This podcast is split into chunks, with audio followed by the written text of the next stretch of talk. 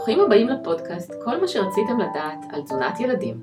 כאן איתכם ענת תבור ויעל חן רביה, אנחנו דיאטניות קליניות מומחיות לתזונת ילדים ומשפחה, והפודקאסט שלנו מוקדש כולו לנושא המרתק של תזונת ילדים, על כל ההיבטים שלו. אנחנו מאחלות לכם האזנה נעימה, מעניינת ומועילה. היי לכולכם, אנחנו כאן שוב, והפעם אנחנו נדבר על הקשר בין אה, אכילה ובין מצבי לחץ וסטרס, ואיתי כאן יעל חן רביה, היי יעל. היי ענת. אנחנו רואות הרבה תופעות אה, אכילה שהיא מגיבה לסטרס שאנחנו נמצאים בו בימים האלה, גם בקרב אה, הורים וגם בקרב ילדים, מתבגרים, אז כן. באמת חשוב שאנחנו נדבר על זה היום.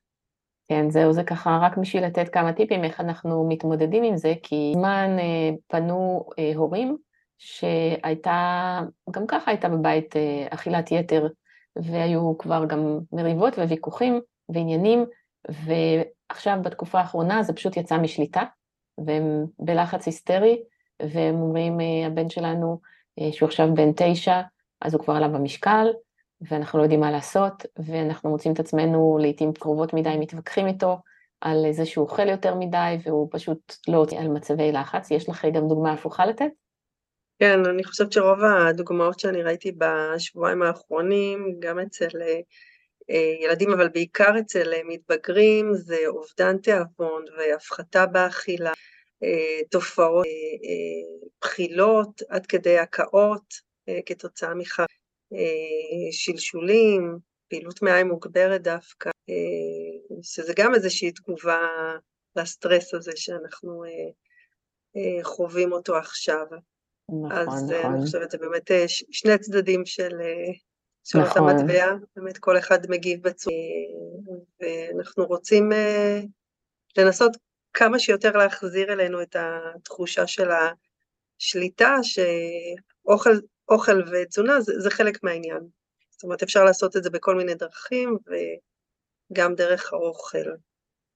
לגמרי, לגמרי יש קשר, ו, וגם, זה גם משפיע אחד על השני, זאת אומרת, הסטרס והלחץ וכל מיני דברים שעוברים על ילדים, הם משפיעים על האכילה, אבל גם האכילה עצמה, כשהיא יוצאת מסדר, בגלל שאנחנו לא בשגרה רגילה והכל, זה גם יכול להשפיע על הלחץ, אה, בעיקר אה, אם יש מערכות יחסים משובשות בבית סביב הנושא של האוכל, וגם ככה כבר יש כל מיני ענייני אוכל, ילדים שלא אוכלים מספיק, או ילדים שאוכלים יותר מדי, או ילדים שמנשנשים, או אכילה של כל מיני אה, דברים פחות על הדברים הטובים, זאת אומרת, יש פה הרבה מאוד דברים שהם בעצם משפיעים אחד על השני, ואולי תגידי לנו בכמה מילים, למה בעצם המנגנון הזה של הרעב הוא כל כך מחובר ל... של הרב או העיר מחובר לסטרס, ללחץ. כל מערכת העיכול שלנו מחוברת אה, גם עצבית וגם אה, הורמונלית לתחושות רעב ושובע, ומדובר פה אה, של הפרשה של הורמונים של סטרס, כמו קורטיזול, ואז התגובה של הגוף של זה היא בהפרשה של סוכר, וברגע שאנחנו במצב של דחק, אז כל האיזון מופר, ויש כאלה שמגיבים לזה בצורה של אכילת יתר, אכילה רגשית, אכילה שהופכת להיות באמת כאוטית ובכמויות גדולות כדי להשקיט את סערת הנפש ויש כאלה שהפוך, שממש אה, מרגישים שמשהו אה, נחסם אצלהם ו- ולא מסוגלים לאכול, או שאוכלים אה, כמות קטנה ומרגישים שזהו, ש... איך אומרים לי, זה לא נבלע לי, לא, לא מצליחים כן, לא לאכול מעבר לכמות. כן. עכשיו, אם, אם זה משהו שהוא זמני באמת, וזה, וזה מובן, זה טבעי, וזה לאט לאט ככה נפתר לבד, אז, אז בסדר. אה, העניין הוא לשים לב שזה לא משהו שנמשך או שתופס תאוצה או שמתחיל להתפתח לכל מיני כיוונים שהם אה, לא רצויים. ו- וכאן בגלל שאנחנו שתינו אה, עובדות עם ילדים, וזה למעשה הרבה מאוד עבודה עם ההורים, אז אני חושבת יש כאן איזשהו יתרון שההורים מאוד מאוד מאוד יכולים להשפיע. גם על ההתנהגות של הילד וגם על ההתנהלות שלו מבחינת האוכל. נכון, ממש. יש, יש, להורים יש השפעה מאוד גדולה, למרות שלפעמים נדמה להם שאין, אבל ממש יש להם השפעה, וזה מאוד חשוב שהם גם אה, יפקחו ככה את העיניים ויציצו, למרות שזה נראה לנו בתקופות אה, מסוימות כאילו הדבר האחרון שמעניין אותנו כרגע זה בכלל האוכל, כי הזירה הזאת היא כאילו לא שולית לעומת כל שאר הדברים, אבל בסופו של דבר היא לא כזאת שולית. אז כן, זה, זה מאוד. נכון שלא באה פה.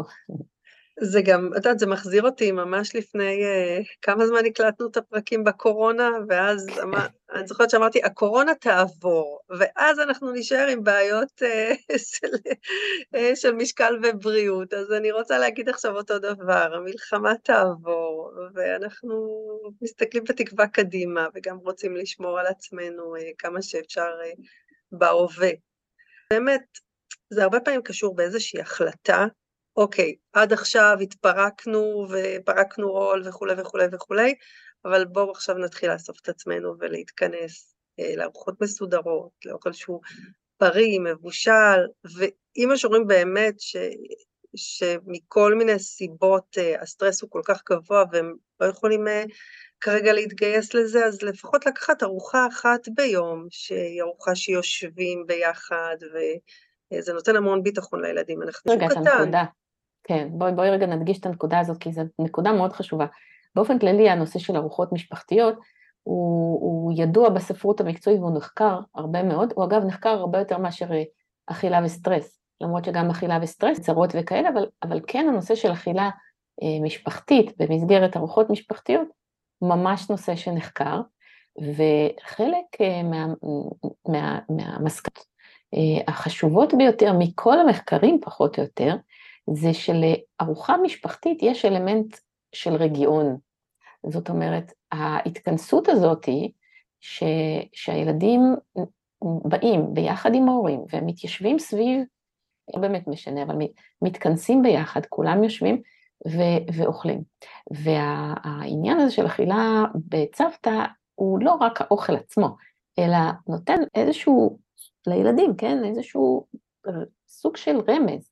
אוקיי, הכל בסדר, כולנו פה, אנחנו כאן, ההורים מסתכלים עליכם, אנחנו נמצאים איתכם, אנחנו עושים איזושהי פעולה שהיא פעולה מאוד, בסופו של דבר אכילה זה דבר מרגיע, היא פעולה מרגיעה, כי היא כן מעלה, אחרי שכבר אוכלים, למרות שלפעמים קשה לאכול כי אין תיאבון, אבל אחרי שכבר אוכלים, יש הורים אה, שמתעוררים ומופרשים בתגובה לאוכל שהם מרגיעים, וכל מיני חומרים שמופרשים במוח, כמו למשל דופמין וסרוטונין, שזה חומרים, זה כל מיני מוליכים עצביים, שהמטרה שלהם היא להרגיע אותי, ו, ולכן כשיושבים ביחד, ויש את כל האווירה הנכונה, כן, כמובן לא לשבת ביחד עם לחץ, אבל לשבת ביחד ו, ובאמת אה, בכיף, ולאו דווקא לדבר על האוכל, פשוט לשבת ביחד ולדבר על הכל, לדבר על דברים שהם לאו דווקא פוליטיקה, אה, ולאו דווקא דברים, אה, כל מיני דברים שהם לא נעימים, אלא דווקא לנהל איזושהי שיחה קלילה, נינוחה, להשתעשע קצת בכל מיני דברים מצחיקים, לספר דברים אחד לשני, ויש לזה אלמנט מאוד מרגיע. אז כמו שאמרת, פעם ביום, לנסות כן להתיישב כולנו ביחד, אה, ואיכשהו, גם אם זה הורה אחד ולא שני הורים, אבל הורה אחד והילדים, להתיישב ביחד לארוחה, ולא שכל אחד יאכל בזמן של עצמו, כן, בלוח זמנים שונה לגמרי וליד המחשב או הטלוויזיה או מה שזה לא יהיה, אלא משהו כזה. אה, כן, הסדר ושגרת היום אה, אה, חשובים, כמה שאפשר יותר לשמר אותם זה טוב. באופן כללי, שגרה. באופן כללי, כן. אני שמתי לב גם, גם אצלי בבית, כן, לא שאנחנו שונים מכולם, וגם במרפאה, ההזמנות ווולט והמזון המהיר חזר לככב. בשבועות האחרונים. אז כמו שאמרתי קודם, זה... אני חושבת שעכשיו כן כדאי כל אחד להסתכל קדימה, כי אנחנו יודעות שהמזון הזה לא רק שהוא לא בריא, ואחר כך אה, יכול לתרום למגפת אה, השמנה ובעיות בריאות אה, שיוסיפו לנו על מה שקרה בקורונה, אלא שגם המזון הזה כשלעצמו, אנחנו כבר יודעים שהוא תורם בעצמו לתחושה של, אה, של דיכאון, של חוסר איזון בגוף, יש לזה השפעה גם פיזיולוגית. נכון. אז כמה שיותר אוכל שהוא אה, ביתי, כמה שפחות אה, מזונות שהם את המערכות, את מערכות העצבים, כמו למשל אה, דברים שהם עשירים בקפאין, או גם מאכלים וגם מש, משקאות, וגם משקאות... אז בואי, תני לנו קצת דוגמה לדברים כאלה שהם יכולים בעצמם, בפני עצמם, ליצור סטרס. חוץ ממשקאות אקסל ומשקאות אנרגיה שהחבר'ה בגיל ההתבגרות עלולים לצרוך אותם, שזה באמת אה, נורא ואיום ודופק את המוח, השקעות המעוררים. אבל מלבד זה, איזה עוד דוגמאות יש לך? וקולה אז בקולה יש לנו, בקולה יש לנו קפאין, אה, דברים שיש בהם כמויות מאוד גדולות של אה, שוקולד למשל, גם אותו דבר. נכון, בשוקולד עצמו. בכלל סוכר בכמות גבוהה, משהו שהוא מרוכז מאוד, למשל שתייה קלה, שזה מעלה את רמות של הסוכר בדם בצורה חדה ולהימנע ככל ש...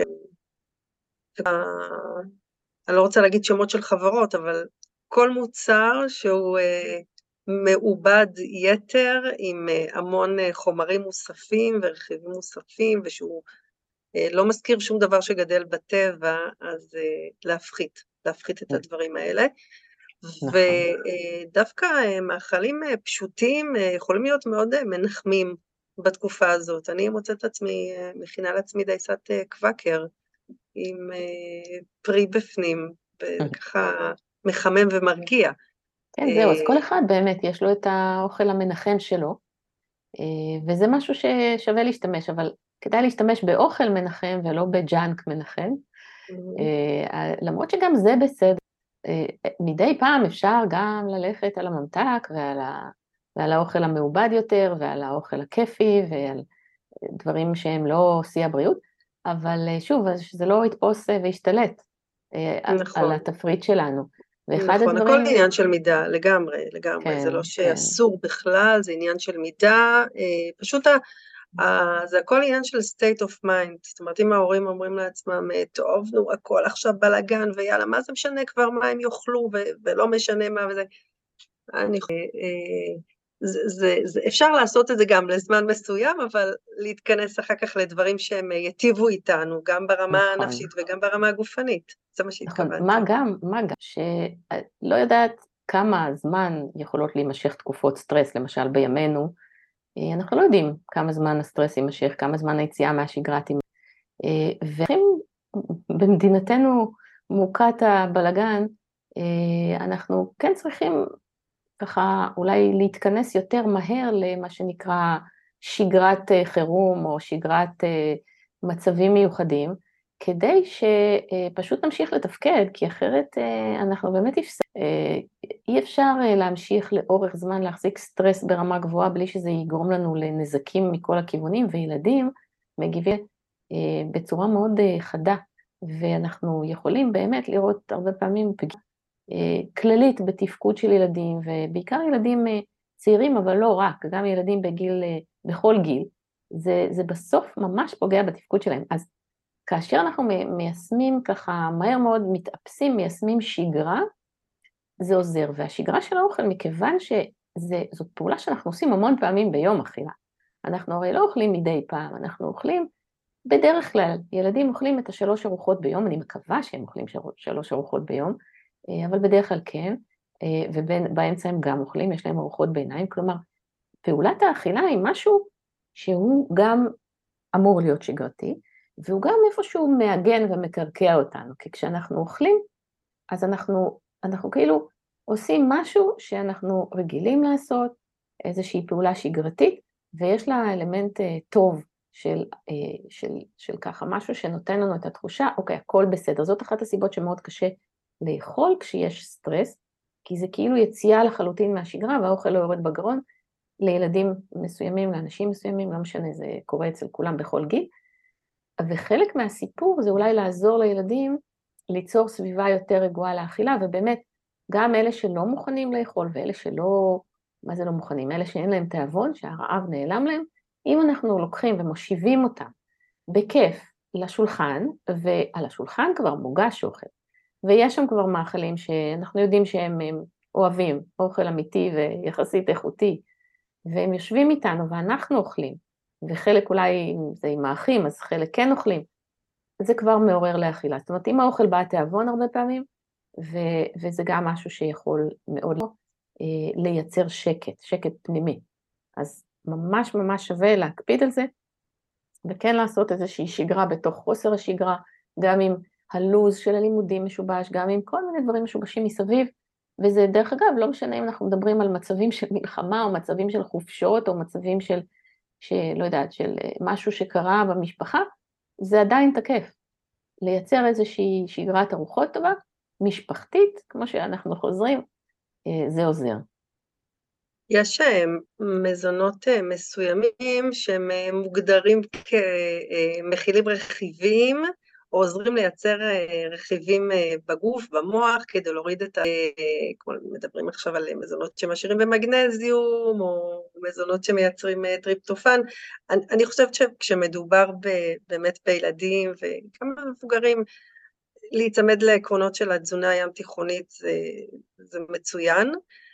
ולשים לב באמת להרכב של הצלחת בארוחות העיקריות, שאנחנו מדברים עם הילדים על אה, הצלחת המוצלחת, שיהיו בה גם חלבונים וגם פחמימות וגם ירקות, ולמה אני אומרת את זה? כי יש נטייה לאכול יותר פחמימות במצבים כאלה, כי זה מעלה את הרמות של הסרטונין ובצורה מהירה.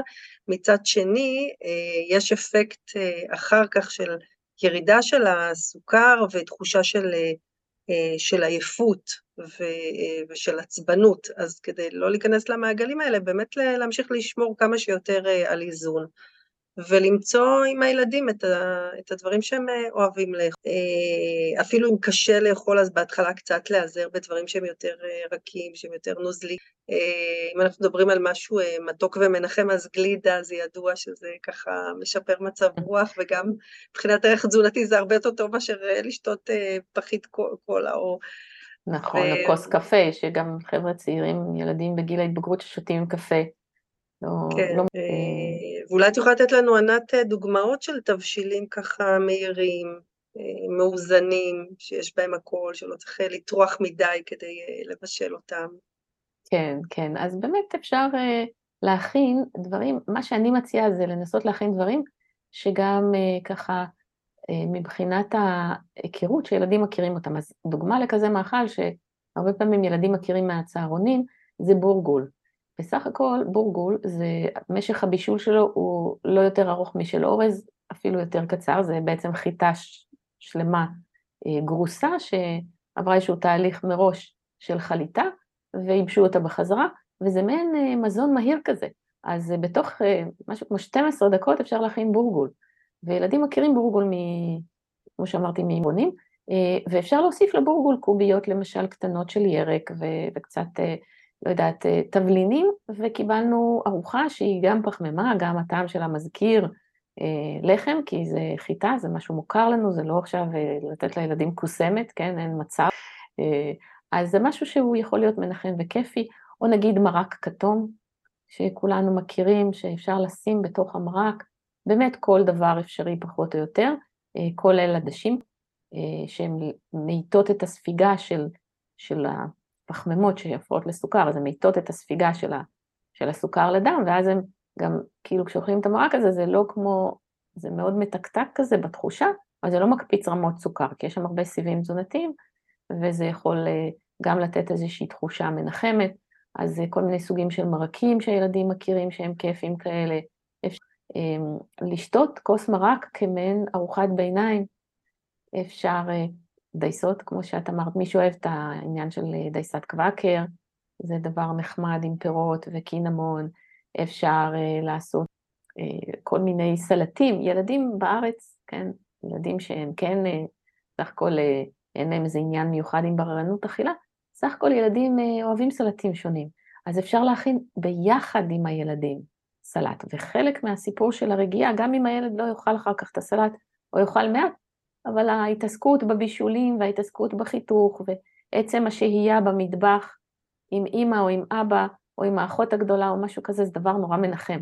אז גם זה משהו שכדאי לעשות, פשוט לנסות ו- ולהכין ביחד איתם סלט ירקות מגוון או סלט פירות, או לבשל איתם את המרק, למשל, הם יכולים בלי שום בעיה לקלף גזר, הם יכולים לחתוך כל מיני דברים, אתם יכולים נגיד לילדים צעירים יותר, אז אפשר לחתוך סתם גזר לרצועות ארוכות כאלה, ואז הילד כבר ינסר אותם, אפילו עם סכין פלסטיק או עם איזושהי סכין, לא, שלא יחתוך לעצמו את הידיים, איזושהי סכין עדיף, אה, ינסר את זה לקוביות קטנות ויזרוק את זה לסיר, וזה עובד נורא יפה. והריחות של הבישול, כשמבשלים עם ילדים, אז, אז הם, הם מריחים את כל הריחות. וריח, יש לו השפעה מאוד אה, אינטואיטיבית על רצון לאכול. אז אותם ילדים או הורים שהאוכל לא יורד להם בגרון, אז הריחות עושים להם כיף. והאמת, גם למי שנוטה להגזים באכילה, ברגע שאנחנו מתעסקים עם האוכל, אנחנו לא חייבים לאכול אותו, גם עצם ההתעסקות באוכל, והבישול, והמגע באוכל, והריח של האוכל, זה גם כבר פעולה מרגיעה. זאת אומרת, יש לזה שוב איזושהי אה, פעילות כזאת של אה, עיגון מהמילה עוגן אה, וקרקוע, ואנחנו עושים פעולה שכולנו עושים אותה בשגרה, ואפילו לא חייבים אחר כך לאכול כל כך הרבה, אבל זה גם מרגיע בפני עצמו. זה הזמן גם להזמין ערים ולעשות, אפשר לעשות ארוחות עם חברים שכל אחד מביא משהו, אפשר להכין. ביחד עם חברים. אפשר להזמין את סבא וסבתא או ללכת אליהם, האוכל של סבתא הרבה פעמים הוא מאוד אה, מנחם, אז אה, נכון. זה גם אה, תורם לתחושת ביטחון ושייכות והביחד הזה. כן, וגם מקל על ההורים, אם יש מישהו שמבשל זה מקל. כן, נכון.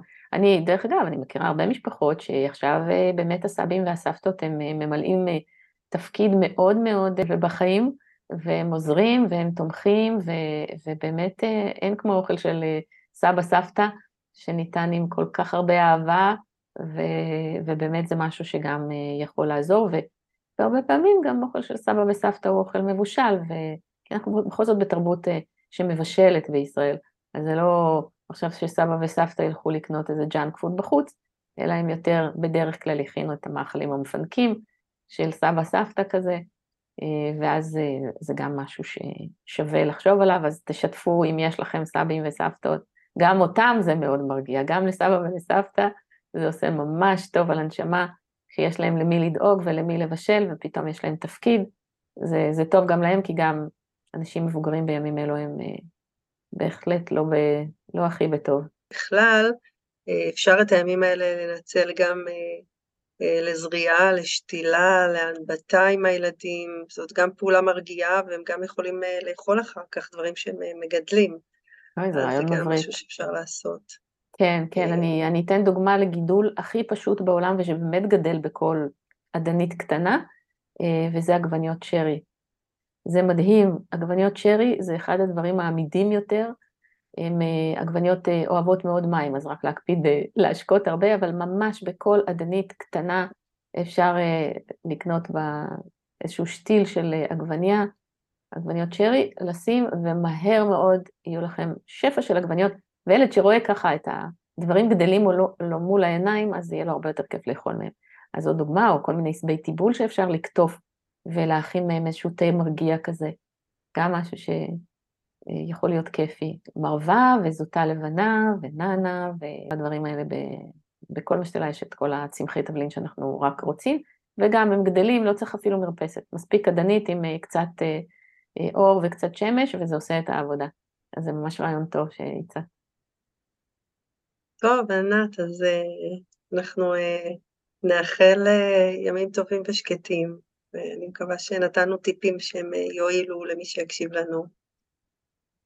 כן, גם אני, ואנחנו uh, בהחלט, uh, אם יש לכם איזה שהן שאלות או פניות, אז אתם בהחלט מוזמנים לפנות אלינו, לשאול, אנחנו נשמח לענות לכם.